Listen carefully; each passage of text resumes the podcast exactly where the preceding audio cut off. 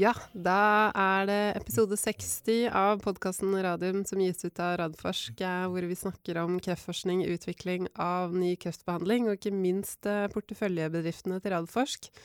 Episoden har jeg bare kalt 'Selskapsoppdateringer', Jonas Einarsson. Ja, det er vel kanskje på tide. Jeg har fått litt, litt påpakk for at det er litt, litt lenge mellom oppdateringssendingene, så da tar vi igjen bare for det. Ja, men når det skjer ting som eh, nobelprisen til immunterapi, så Ja. må vi være såpass aktuelle at vi, vi tar med oss det. Syns vi kan få lov til å dytte på det en Ja. dag da. Og det var jo gårsdagens eh, sending, eh, hvor vi hadde våre nobelpriskandidater i, i studio. som- Våre personlige. Ja, helt personlige, Ja, helt for all del. Men, men det er like store helter som uh, Jim Anderson og, og Hodjo.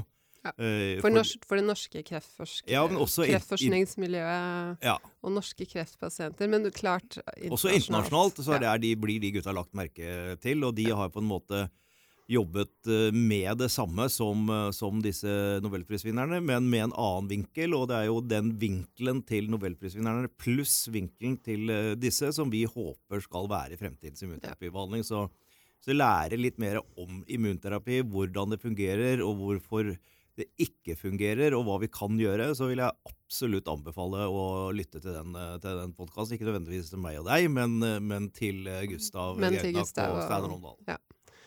Jeg, jeg sier meg bare enig til den lille reklamesnutten for, for episode selvreklame må være 59. det, det er veldig, veldig lov. Um, men det har, har skjedd ganske mye ting siden sist, og vi har også fått inn en del spørsmål, så jeg tenker vi bare gyve løs. Jeg tenkte vi kunne begynne med Photocure, som Ja. har fått ny sjef, CEO, eh, Daniel Schneider. Eh, amerikansk. Yep. Eh, og dette ble du intervjuet om i Finansavisen.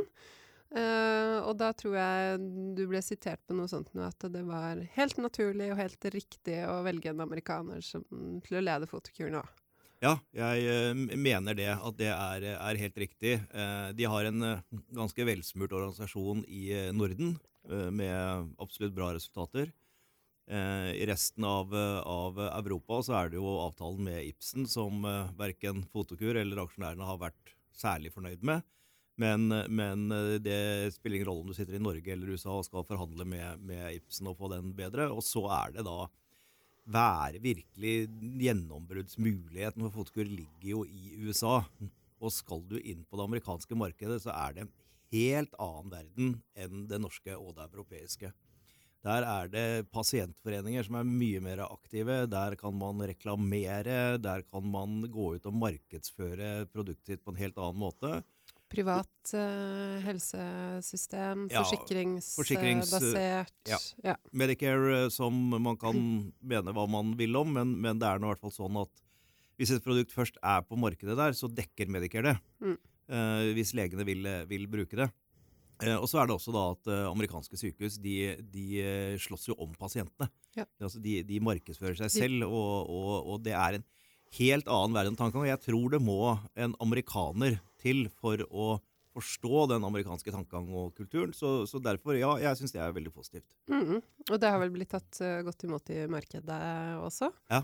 Mhm. Ikke i dag, da, men uh, det er jo et, hvor mye, my, mye du er inne på børsen. Men det, Nei, det, det, det smalt nå, be, nå begynte jeg nesten å rødme her, men uh, ja. Det smalt, det, sma, smalt smelt så det holdt i uh, USA i går. ja okay. Mye grunn til renteoppgang, og jeg skal ikke gå inn på det. Men det betyr jo at i dag er det en svært rød dag. Men, men Men, jeg men det har ikke noe med selskapet per se. Det har med liksom Ja. sånn globale økonomiske Det er- det eh, konjunkturer å gjøre. ja, og det er helt riktig, og det er liksom litt viktig å holde fast i. da, At det forandrer ingen fundamentelle uh, forhold. Syns jeg så en sånn pop-up-melding fra E24 i går ettermiddag om noe smell på Ja. tech. Var det tech generelt? Nei, helt, helt generelt. Helt generelt, ja. så det, men det skal jeg ikke eh, gå inn i eller spekulere i. Den, uh, verdensøkonomien er ikke, ikke min styrke.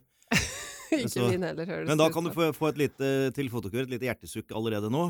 Ja, jeg tenkte Eh, å ta et spørsmål om det òg, men kjør på med hjertesukk først. Ja, fordi at uh, nettopp det med at jeg ikke skal uttale meg om økonomi, og jeg holdt på å si økonomer ikke skal uttale seg om biotek, det skal de jo selvfølgelig, men det kan jo komme litt uheldig ut. Uh, og jeg må jo si jeg reagerte ganske kraftig nok en gang på, på Hegnar online-artikkel. Som hadde intervjuet en, eh, en analytiker fra Nordnett.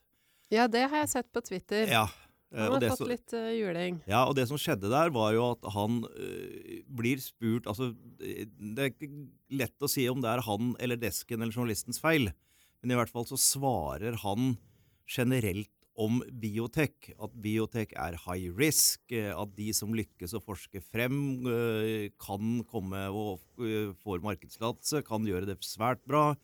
Men mange går dukken underveis, og, og alt, altså leksa på en måte om biotek, som alle kan. Mm. Men så knyttes det i denne artikkelen opp mot Fotokur, Ja, som jo ikke har denne risikoen. Det er ingen Nei, og som har vært på markedet i årevis og klarte å komme Ja. seg på markedet på fem år med to produkter, som ja, Så hvis du skal se, er norgesrekord. ja, hvis du skal se på Fotokur, så må du se på hvilket produkt har de, Mm. hvordan er interessen rundt det, hvordan er utviklingen i utplasseringen av skop. Mm. Eh, alt dette venter vi jo spenning på å, å se nå fremover.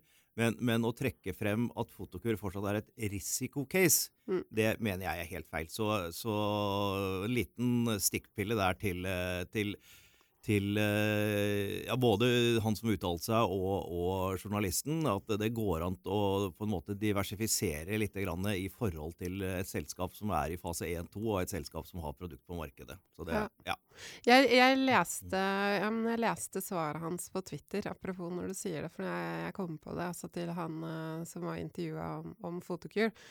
Eh, og jeg tror svaret hans var noe sånt som at, uh, at det er viktig å advare altså, om risikoen i bransjen, men at ikke hensikten var nødvendigvis å koble det opp mot Photocure. Uh, ja, så hva som har skjedd der, det veit jeg ikke, men jeg er helt, jeg er helt enig Ja. med deg. Um, og det virker som det er litt sånn ryggmargsrefleksen at man alltid med biotek sier at det er så stor risiko, men når du på en måte har et, har et selskap som det her som har vært på markedet så lenge, og som nå har en så voldsom vekst i USA, så blir det jo helt uh, feilplassert. Ja, jeg syns det blir helt feil. Altså, når, når vi har hatt uh, Algeta, som har Sofigo, som vil være en uh, dundrende suksess, uh, og så har du Fotokur, som er i markedet og skal markedsføre, og så skal det henge denne risikosaken over et selskap som faktisk har kommet igjennom dette nåløyet. Mm. Det syns jeg blir feil. I alle de andre selskapene våre, ja, der er det fortsatt høy risiko. For de er ikke på markedet ennå. Nei da, de er, i, Men de er i kjøm, da. de er midt, midt i løpet omtrent. Ja, ikke sant. Men vi tar det spørsmålet om Photocure. Um, det har vært snakk om en potensiell terapeutisk effekt med Sysview. Om jeg ikke husker feil, er det bevist in vitro at Sysview og bl bl blålys, som jeg sier, forårsaker celledød. Det hadde vært spennende å høre Einarssons tanker rundt dette. Er det kun, i hermetegn, et fase 3-studie som må til for å kunne ta dette videre? Kan ikke du først forklare litt med spørsmålet, for det var litt uh, Ja, Ikke som er altså, så jeg har også sett Jeg må innrømme, jeg har ikke gått inn og sett på dataene, de in vitro-dataene, men, men uh, det Men in vitro betyr In vitro betyr at du da er, har prøvd i cellekulturer. Ja. altså Så in, in vivo, da er du kommet over i dyr, altså Mm. i, i, i levende organismer. Eh, så man har gjort eh, noen celle, celleprøver på dette, og jeg kan godt eh, forstå det at fordi, nettopp fordi at den samme teknologien er jo den som da riktignok med rødt lys, men dog er blitt brukt i det første produktet til Metvix. Hvor du smører på det samme virkestoffet mm. og lyser. Og da dreper jo det kreftceller Mm. i, i huden. Eh, Så jeg vet at man, man har vært klar over dette, at det potensielt også tar, tar livet av kreftceller, denne, denne diagnostikken. Eh, Men det løpet hadde vært fryktelig langt og vanskelig å gå og, og bevise det. Eh, Store studier, lange, veldig lang oppfølgingstid, vanskelig å designe. Så Fotokur valgte helt riktig å gå for diagnostikk i, for mange år siden. Så kan man tenke seg, kan man gjøre en enkel fase 3-studie og få det godkjent? Nei, det tror jeg ikke. Altså, det, det er ikke noe enkelt med dette. Jeg tror dette og da begi seg ut på et nytt løp med store studier og store kostnader nå som selskapet eh, skal drive salg og markedsføring og tjene, tror jeg ikke er riktig. På en annen side kan det godt være at det kan være noen, eh, noen eh, klinikere, eh, kliniske forskere, som sier at de har lyst til å gjøre noe for å se på dette, og starte en sånn investigative driven study, og så lekker det ut, kommer det litt mer data og sånn, og så kan det vel kanskje være noe, men, men jeg vil ikke ta det inn i regnearket. Nettopp. Um, Vi skal ha Fotokur i studio, men om det skjer før eh, jul eller ikke, det uh, Erik Dahl, som er da nå går over til, å, uh, til sin vanlige posisjon igjen som uh, finanssjef, han, han, har en stående invitasjon, men som han sier, døgnet har ikke nok tider, timer for tiden. Neida, det, det har vi stor, stor respekt ja, for, for det er, det er Veldig hektisk fase for Fotokur. Veldig hektisk fase, og da skal de få lov til å gjøre det de skal gjøre, som ja. er faktisk å drive selskap. Um, men det, det var uh, Photocure. Da tenker jeg vi skal gå videre til uh, Waxy Ja. Uh, for der også har det kommet et par uh, nyheter siden sist. Um, jeg tenker vi kan begynne med den, det samarbeidet de skal ha med Nektar Therapeutics. Ja. for den nyheten kom ganske samtidig som denne med sjefen i, i Photocure. Og ja. det ble også slått stort opp i, i Finansavisen. Uh, og jeg skal ærlig innrømme at jeg hadde ikke hørt om uh, Nectar Therapeutics, men jeg skjønte jo når jeg begynte å, å gjøre litt uh, research, at det, det, burde jeg jo ha gjort. Dette er ikke et hvem som helst-selskap. Dette er ikke et oppstartsselskap. Dette er et solid, solid fundert Markedsverdi på 10 milliarder dollar. Ja. ja. Så det, det, det, er et stort, det er ikke Big Pharma, men det er, det er et stort selskap. Og det er klart at det er eh, alltid spennende med samarbeidsavtaler. Eh, og så kan du si hvordan skal du rangere samarbeidsavtaler? Ja, samarbeidsavtaler som er preklinisk, hvor, hvor det ikke er noen eh, annen innsats fra selskapene enn at de liksom jobber litt hver for seg og sjekker ut teknologier, det, det må man vente og se hva blir verdt. Når man kommer over i samarbeid om kliniske studier, mm. så er det en helt annen skål. Ja, for eh, sånn som jeg skjønte, så har det her vært gjort et preklinisk samarbeid. Ja, som da har uh, gått over i klinisk samarbeid. Ja. Det er i utgangspunktet positivt. Uh, og så er det vanskelig å på en måte sette verdi på det, men, men det går an å se litt på hva selskapet opplyser om hvordan dette er strukturert. Hvis du f.eks. ser på Targovax, som har dette samarbeidet med CRA og Ludvig Institute, så, så, blir jo mesteparten av den studien betalt av samarbeidspartnerne. Det er på en måte et sånt positivt tegn. Eh, her sier, Når det gjelder Nektar og Vaxibody, så sier de ikke det. Nei. Men de sier det indirekte, for de sier at eh, dette vil ikke få konsekvenser for økonomien og burn-raten til Vaxibody. Ja, men da har de vel egentlig sagt at de andre ja. betaler? Ja. Har de ikke det? I hvert fall en del av det, ja. vil jeg tro. Og det er positivt. Mm. Så det, dette, er, dette, er, kjempespennende. Mm. Ja, og som, som uh, Agnete Brunsvik Fredriksen, som er da altså gründeren og president og forskningssjef i, i Vaxibody, sier til Finansavisen, er jo at dette er jo en, et av de mest spennende selskapene innafor immunterapi nå, og de gjorde jo en kjempedeal med BMS, så Brison Myers i eh, februar i år. Eh, som på en måte har fått veldig mye oppmerksomhet. Sånn, eh, ja. Den, eh, den, type vaksine er hot og jobbes veldig mye med, og Vaxibody-teknologien mm. er svært spennende. Så, så ja, det er, det er, kjempespennende. Ja, jeg prøver å få både Agnete og, og CEO Martin Bonde i studio om ikke altfor lenge til å si mer om det. For de sendte jo ut en melding i, i går eh, også som går på den kliniske studien med den persontilpassa kreftvaksinen. Ja. Eh, nå har de da innrullert ti pasienter, og så har de startet eh, vaksinasjon. Ja. Det er bra. Mm. Uh, absolutt. Og så hvorfor står det ti innrullert og startet vaksinasjoner. Ja. Hvorfor sier de ikke bare at de har begynt å behandle ti pasienter? Det er, som jeg forstår det, og jeg tror det er riktig, så er det fordi at uh, denne type personalisert uh, vaksine er forskjellig fra f.eks. For en vaksine som uh, Ultimovax eller Targovax gjør. Da pasienten er ferdig inkludert og klar til behandling, så kommer han og får sprøyta seg i armen, og da kan du si at den pasienten er dosert. Uh, I uh, Vaxibodys tilfelle så er det sånn at pasienten først skal gjennom alle inklusjonskriterier og alt dette som er vanlig. Så skal det tas en uh, celleprøve av tumor. Mm. Så skal den analyseres for å finne hvilke type antigener som skal kobles på vaksibodiene. Mm. Så skal det tappes blod av pasienten, og så skal det produseres vaksinen. Det tar tid. Og når det hele denne prosessen er ferdig, så får på en måte pasienten behandlingen. I form av at den får en infusjon med, med, med denne vaksinen og, Mm. og disse cellene som inneholder de, eh, de eh, antigenene.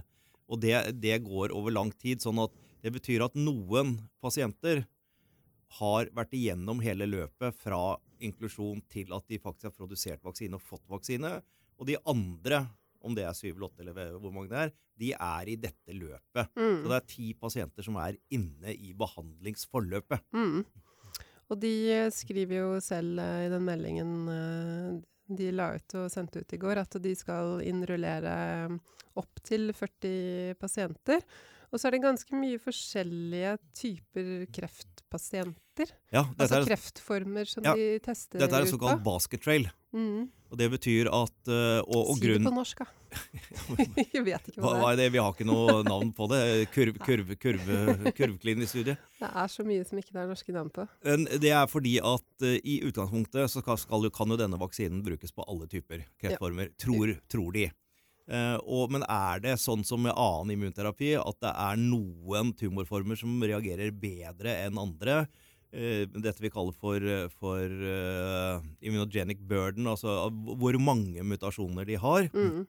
Altså Dess høyere antall mutasjoner, dess mer sannsynlighet for at immunterapi ja, på fungerer. checkpoint. På checkpoint. Er det det? Ja. Gjelder det samme her? Vet Mm, ikke, nei. men kan være sånn. Man velger litt forskjellige typer, og så ser man på reaksjonen på disse pasientene. Selvfølgelig i utgangspunktet safety og, og, og, eh, og, og sikkerhet, altså sikkerheten i dette. Det er jo alltid det Det viktigste. viktigste nå. Eh, Men man ser jo effekter etter effekter også når man Ja. har den type terapi. Og hvis man da ser at man får en veldig god respons på én type tumor, og dårlig respons på en annen med to-tre pasienter i hver, så kan man velge å inkludere flere av de resterende 30 inn i den tumorformen som responderer best. Eh, og da kanskje da på den måten plukke den første indikasjonen når du skal kjøre en større studie. Mm.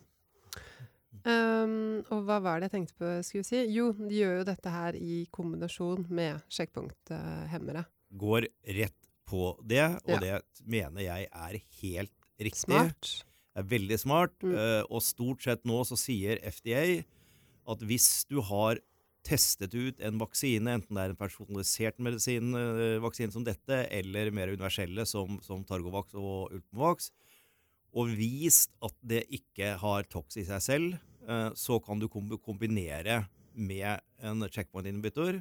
Eh, I i eh, Ultimovax så gjør vi det nå i USA. Første pasienten er inne.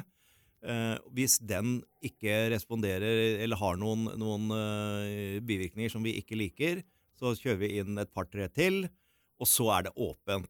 Og hvis vi, Dette er i malignt melanom, Mm. føflekkreft. Og hvis vi da ønsker å starte f.eks. en studie i lunge, så sier FDA at dette er biologi. Ja. Og det betyr at nå har vi vist biologien, kombinasjonen av checkpoint inhibitor og vaksine, samme måte som Vaxibody.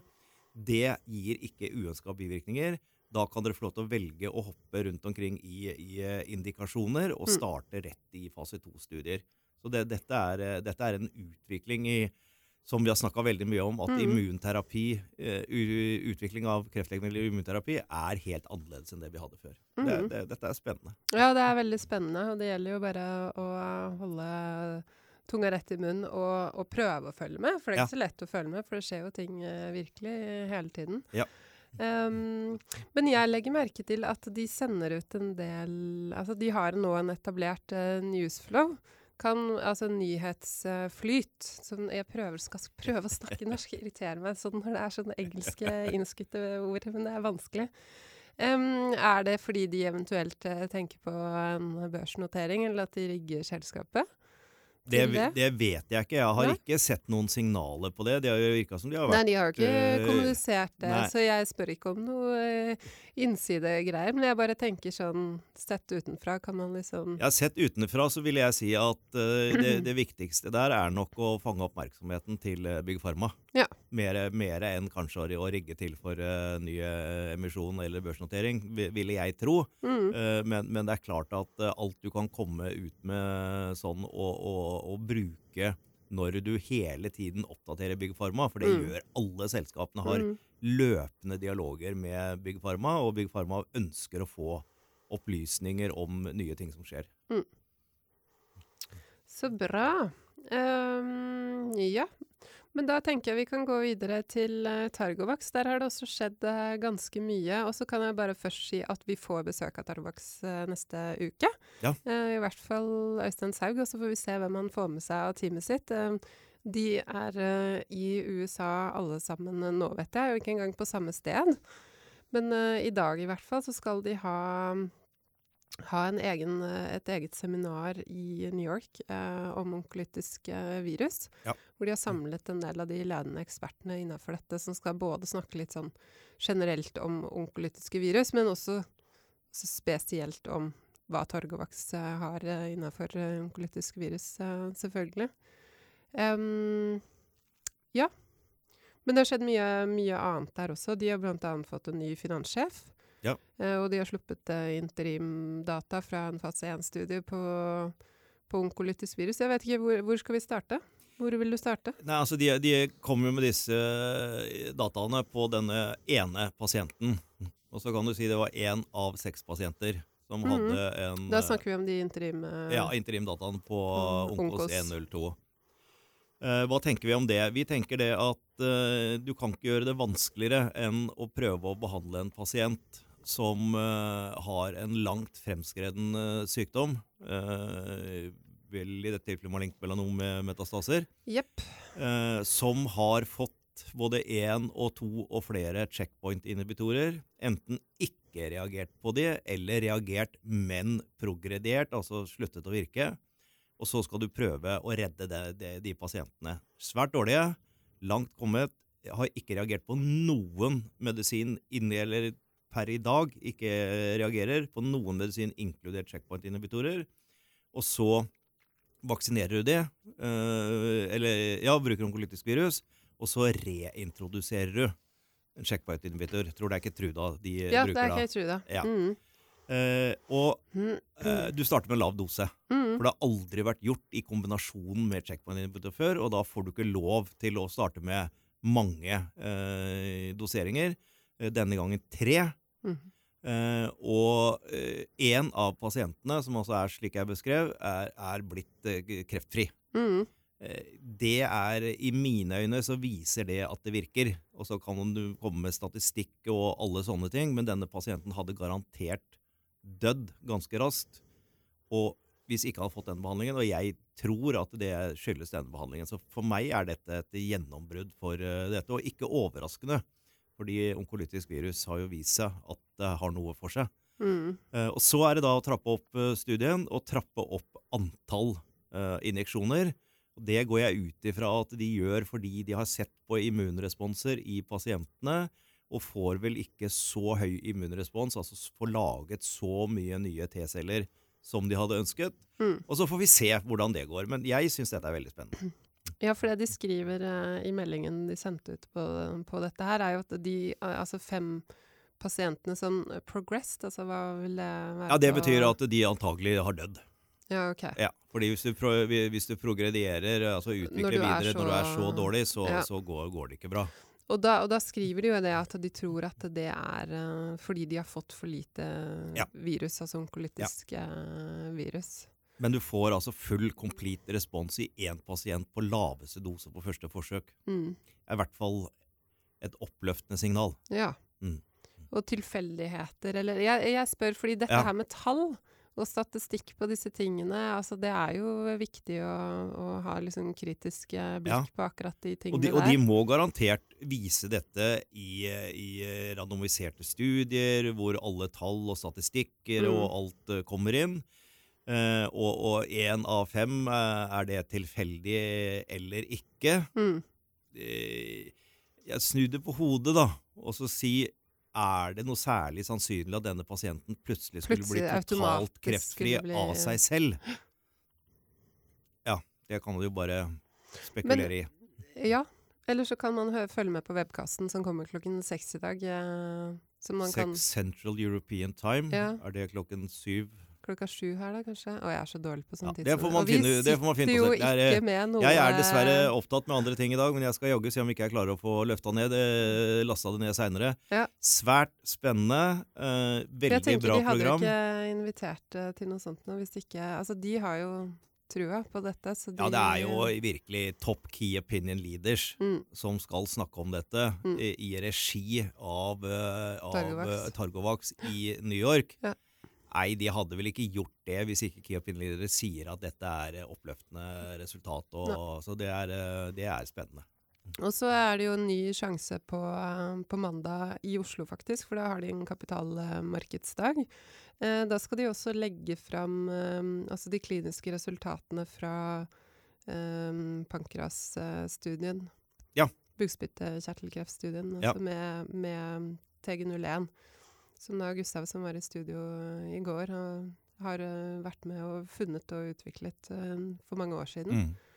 Eh, hva kan vi Hva kan, kan vi forvente kan vi forvente? Altså, Vi, vi kan forhåpentligvis Altså, resultatene får vi nå se på. Ja, ja. Eh, Det kan vi ikke si noe om. Så langt vi har sett de, så, så var det jo bra. Eh, det som har vært offentliggjort tidligere, så får vi se Nå får vi vel eh, Får vi da eh, Disease Free Survival og, og Overall Survival på, også på den kohort 2, som vi hadde et annet type vaksineregime. Eh, spesielt at de ikke vaksinerte når de fikk cellegift. Det har vi noen forventninger til at det kan eh, gjøre at det blir noe bedre tall i kohort 2 eller enn i 1. Det blir spennende å se. Eh, Det mest spennende er at den som skal presentere det, er Dan Palmer. Ja, Eh, virkelig en av verdens ledende key opinion leaders innen eh, behandlingen av eh, bukspyttkjertelkreft. mm. Eh, og igjen, jeg tror ikke han ville kommet og presentert disse dataene For her. forklare sammenhengen hvis ikke det hadde vært noe i det. Mm. Og jeg håper også at han eh, på en måte setter litt mer lys på hva var denne Folfirinox-studien, som jo gjorde at uh, Targovax tok et skritt tilbake og sa nå må vi tenke oss om. Mm. Uh, og forhåpentligvis så har de tenkt seg om til uh, mandag, så vi får høre hva de tenker videre. Mm. Jeg har sett litt nærmere på den studien, og det er klart altså ja, det, det, det var en overraskende god forlenget overlevelse på Folpirinox.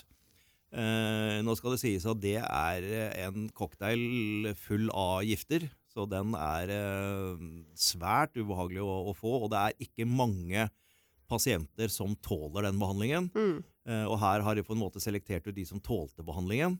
Så ble det også rapportert at det var en, en uventet også forlengelse på gemcitabin. Og, og det var jo det Targovak sammenlignet med i sin studie, med, med tidligere historiske data på gemcitabin. Eh, og nå var disse plutselig blitt mye bedre. Eh, og da kan man tenke seg da hva ville da skjedd hvis du, Hvorfor blir gemcitabin plutselig mye bedre der enn i alle historiske data tidligere? Jeg kikker litt nærmere på det. Og det er en, en, en veldig grei forklaring på det. Og det er at når disse pasientene som fikk gemcitabin, de pasientene, når de fikk tilbakefall, så fikk de Folfirinox. Ja, Så den armen er egentlig gemcitabin pluss Folfirinox når gemcitabin ikke virker lenger. Så det blir litt sånn epler og badeballer-samlingen. Så jeg håper Dan Palmer klarer å sette disse tingene litt mer i perspektiv og på plass. Mm. Uh, og så får vi se om, om det mine på en måte tanker nå, om- om de er riktige. Det, det vil jo Dan uh, snakke mer om på mandag. Så det, den skal jeg være med på. Og så blir det uansett veldig spennende å få Øystein i studio til å snakke mer om alle disse Ja, tingene. For, det, absolutt. for um, det er jo ikke alltid like lett å, å brøyte vei, eller brøy, brøyte tid, heter det. Nei. til, å, til å få med seg det ene og det andre av, av presentasjoner. Um, og så jeg tenkte bare å nevne det til slutt, dette med at de har fått en, en ny finanssjef, eh, altså Torbjørn Furuseth. Ja. Eh, kommer fra Lytix og har bidratt eh, til strategi der på finans og hentet inn eh, 150 millioner Ja. der. Tidligere Aker Biomarine, Ja. blant annet. Så er en, en, en svært uh, dyktig kar med en, med spennende bakgrunn. Og så blir det liksom litt sånn eh, trespann, da, eller firespann, med Magnus Gjedeberg, eh, Øystein Saug, eh, Erik uh, Wiklund og, og han nye. Så det bør kunne bli et dynamisk bra team for å, for å gå ut og presentere og, og drive Targovakt videre. Mm, så virker det som de på en måte um, Hva heter det på norsk? At de på en måte ruster seg litt opp for nettopp det å presentere og Ja. Ja. Det, det, det syns jeg nå, liksom, at de, de, de må virkelig analysere dataene fra TG01-studien og se hva de skal gjøre videre med de. Mm. Og det vil jeg vel tro at de har tenkt ferdig sånn omtrent nå. Mm. Uh, og så har de fått såpass encouraging eh, på onkolytisk virus at de kjører denne dagen i, eh, i New York. Uh, så litt sånn relansering, Mm. uh, litt dynamisk, føler jeg at, at de, de, de er. Mhm. Eh, ja, det minner meg litt om da, da vi hadde Thomas Ramdal i studio. Han snakket om hvordan de liksom relanserte litt Algeta der når de fikk inn uh, ny sjef der. Og Øystein har jo vært med på dette her før og vært med i Algeta. Nettopp. Han var jo, jo CFO for uh, Andrew Kay. Ja, så han har nok Han tatt har med seg arvet, mye arvet litt strategisk tankegang, vil jeg tro. Ja. Det, det, ja, det tror jeg vi kan skrive under at, at han har gjort. Um, ja, men da lar vi det være med, med Targovax. Eh, da tror jeg folk har fått med seg at det er mye man kan følge med på der, men ikke minst at Øystein, hvis man bare vil ha bare vil ha den korte oppsummeringa, så kan man jo høre på oss neste uke. Ja. Det er mye egenreklame her i dag, men de, det, det får man tåle. Eh, da er det Nordic Nanovektor. Eh, for de har da sendt ut en melding om at de skal ha mm, presentasjon på Æsj. Ja. Ja. Og det var vel ikke noe uventa der.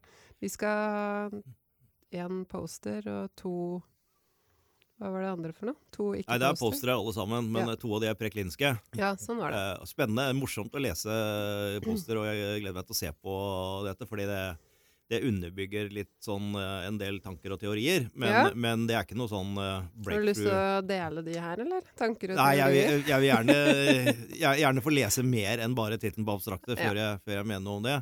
Det kommer 1. november. Ja. Det spennende der, det er jo oppdateringen på Limrit 3701-studien. Ja. Uh, og den eh, bør vi kunne ha brukbare forventninger eh, til. Eh, For de som ikke er Ta en kort recap.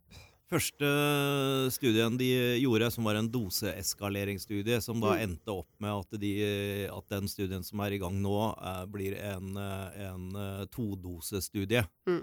Med, med 1540-2000, eh, altså med, med hvor, hvor stor dose de har.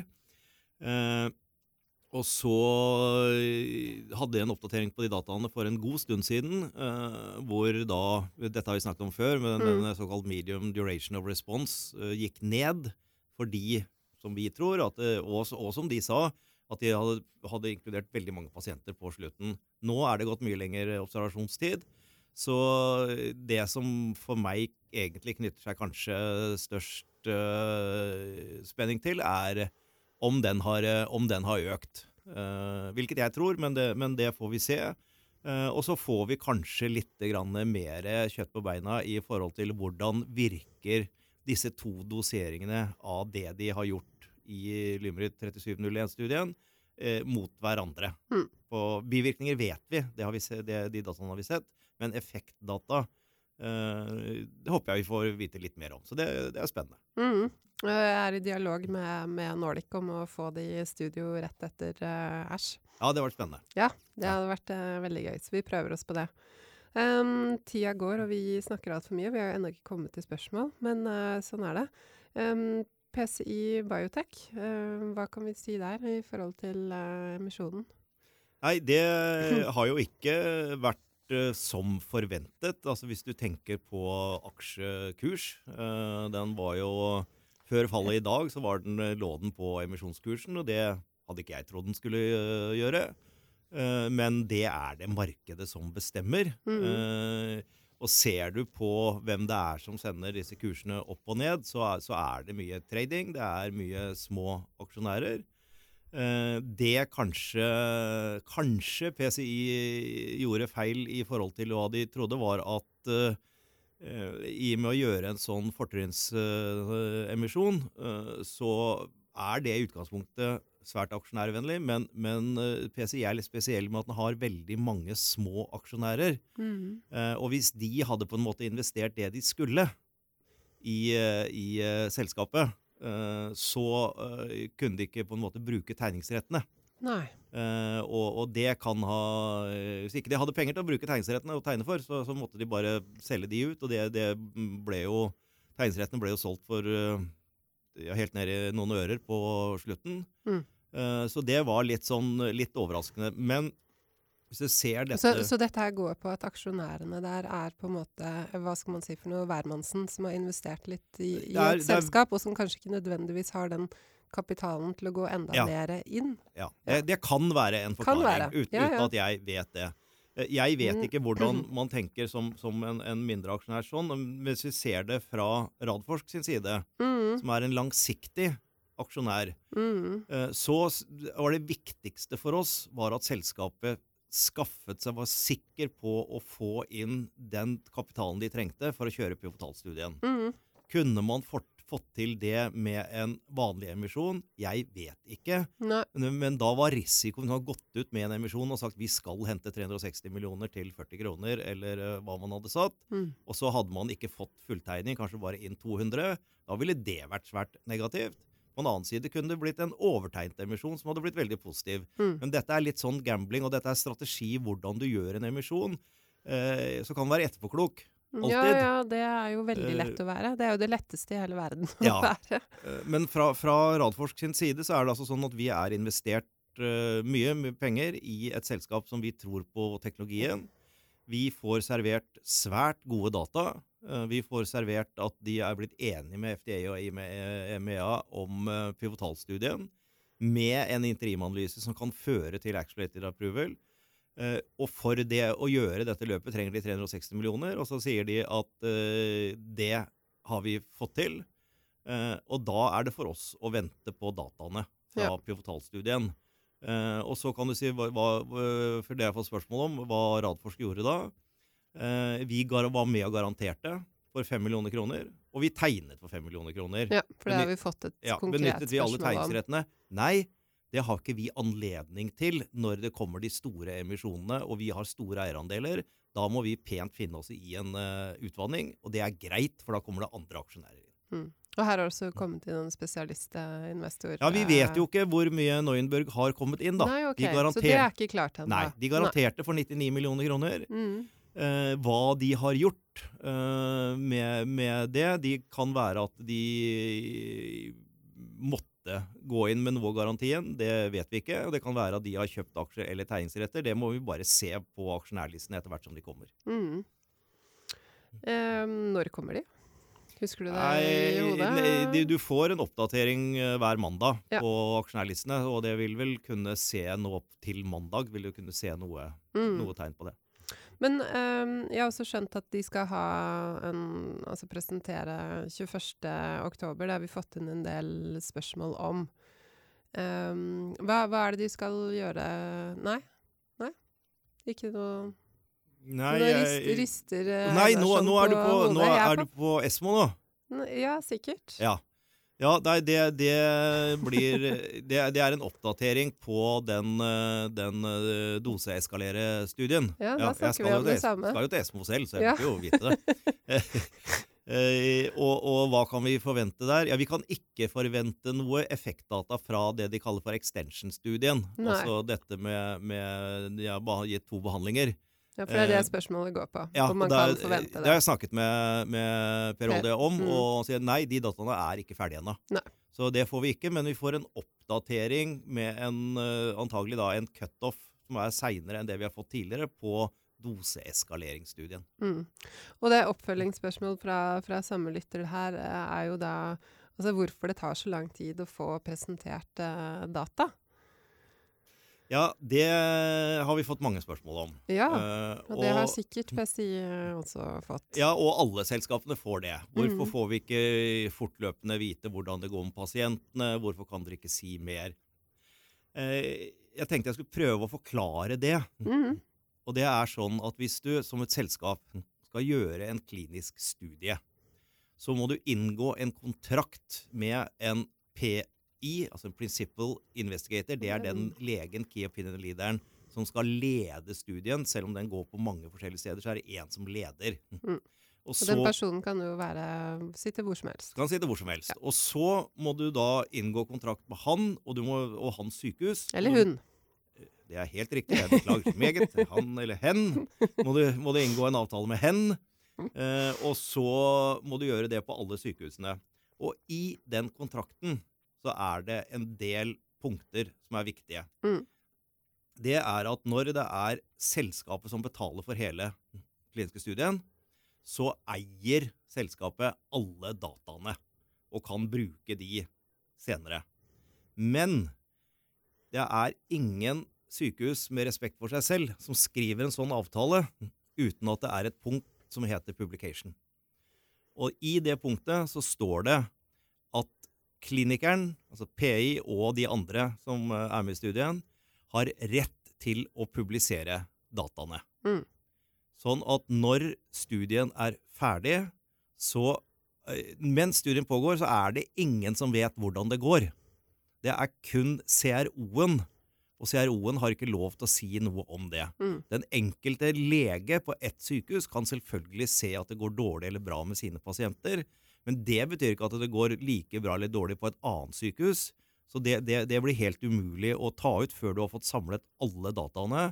Det tar tid. Det er et nitidig arbeid og kvalitetssikring opp og ned i mente. Mm. Jeg har jo selv sitter i, styr, sitter i styret og sittet i styret i disse selskapene og snakket med de som er sjef for kliniske studier i disse selskapene, og spurt hvordan går det? Er det noen signaler? Og jeg får altså ikke noe svar selv som styreleder i et selskap For det skal du ikke få. skal ikke få det fordi det kan feiltolkes. Ja. Og det er kun de endelige godkjente dataene som kan, du kan gå ut med. Men kan selskapet da gå ut med det? Nei. For da har øh, forskerne øh, x antall måneder, vanligvis tre eller fire måneder, på å skrive ferdig en publikasjon og få sendt denne publikasjonen inn til et tidsskrift eller å presentere på en konferanse. Mm. Hvis ikke de får lov til å gjøre det, så får du ikke med på studien. Nei. Så dette er liksom en del av kontrakten, give and Mm. take. Eh, og så er det ikke bare det heller. Men når publikasjonen er ferdigskrevet, så sendes den til selskapet. Mm. Og så har selskapet én måned på seg til å vurdere dataene. Og hvorfor skal de det? Jo, for de skal vurdere om det har kommet opp noen data som kan gi opphav til nye patenter. Mm. Og hvis de ser det at wow, dette hadde vi ikke regna med, her kan vi sende en patentsøknad, så kan selskapet si til, eh, til eh, forskerne at dere må vente i f.eks. inntil seks måneder med å publisere. For hvis de publiserer i mellomtiden, så ødelegger det patentet. For da kan du ikke Nei, få ikke et sant? patent. Sånn at Mm.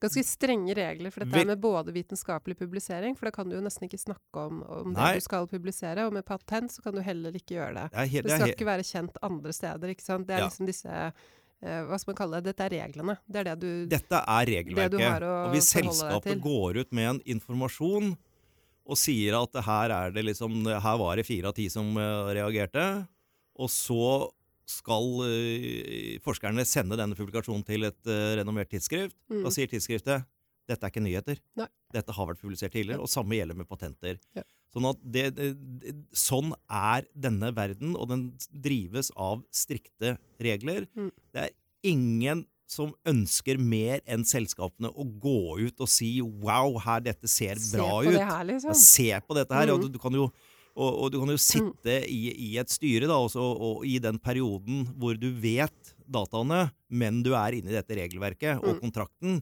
Og du kan jo bli dødsfrustrert av å ikke få lov til å gå ut med det. Mm. Men, men det er ikke altså sånn at selskapene sitter og holder korta tett til brystet og ikke vil gå ut med data fordi de er dårlige, eller altså alle disse spekulasjonene. Mm. Det er, for å være helt ærlig, vrøvl og nonsens.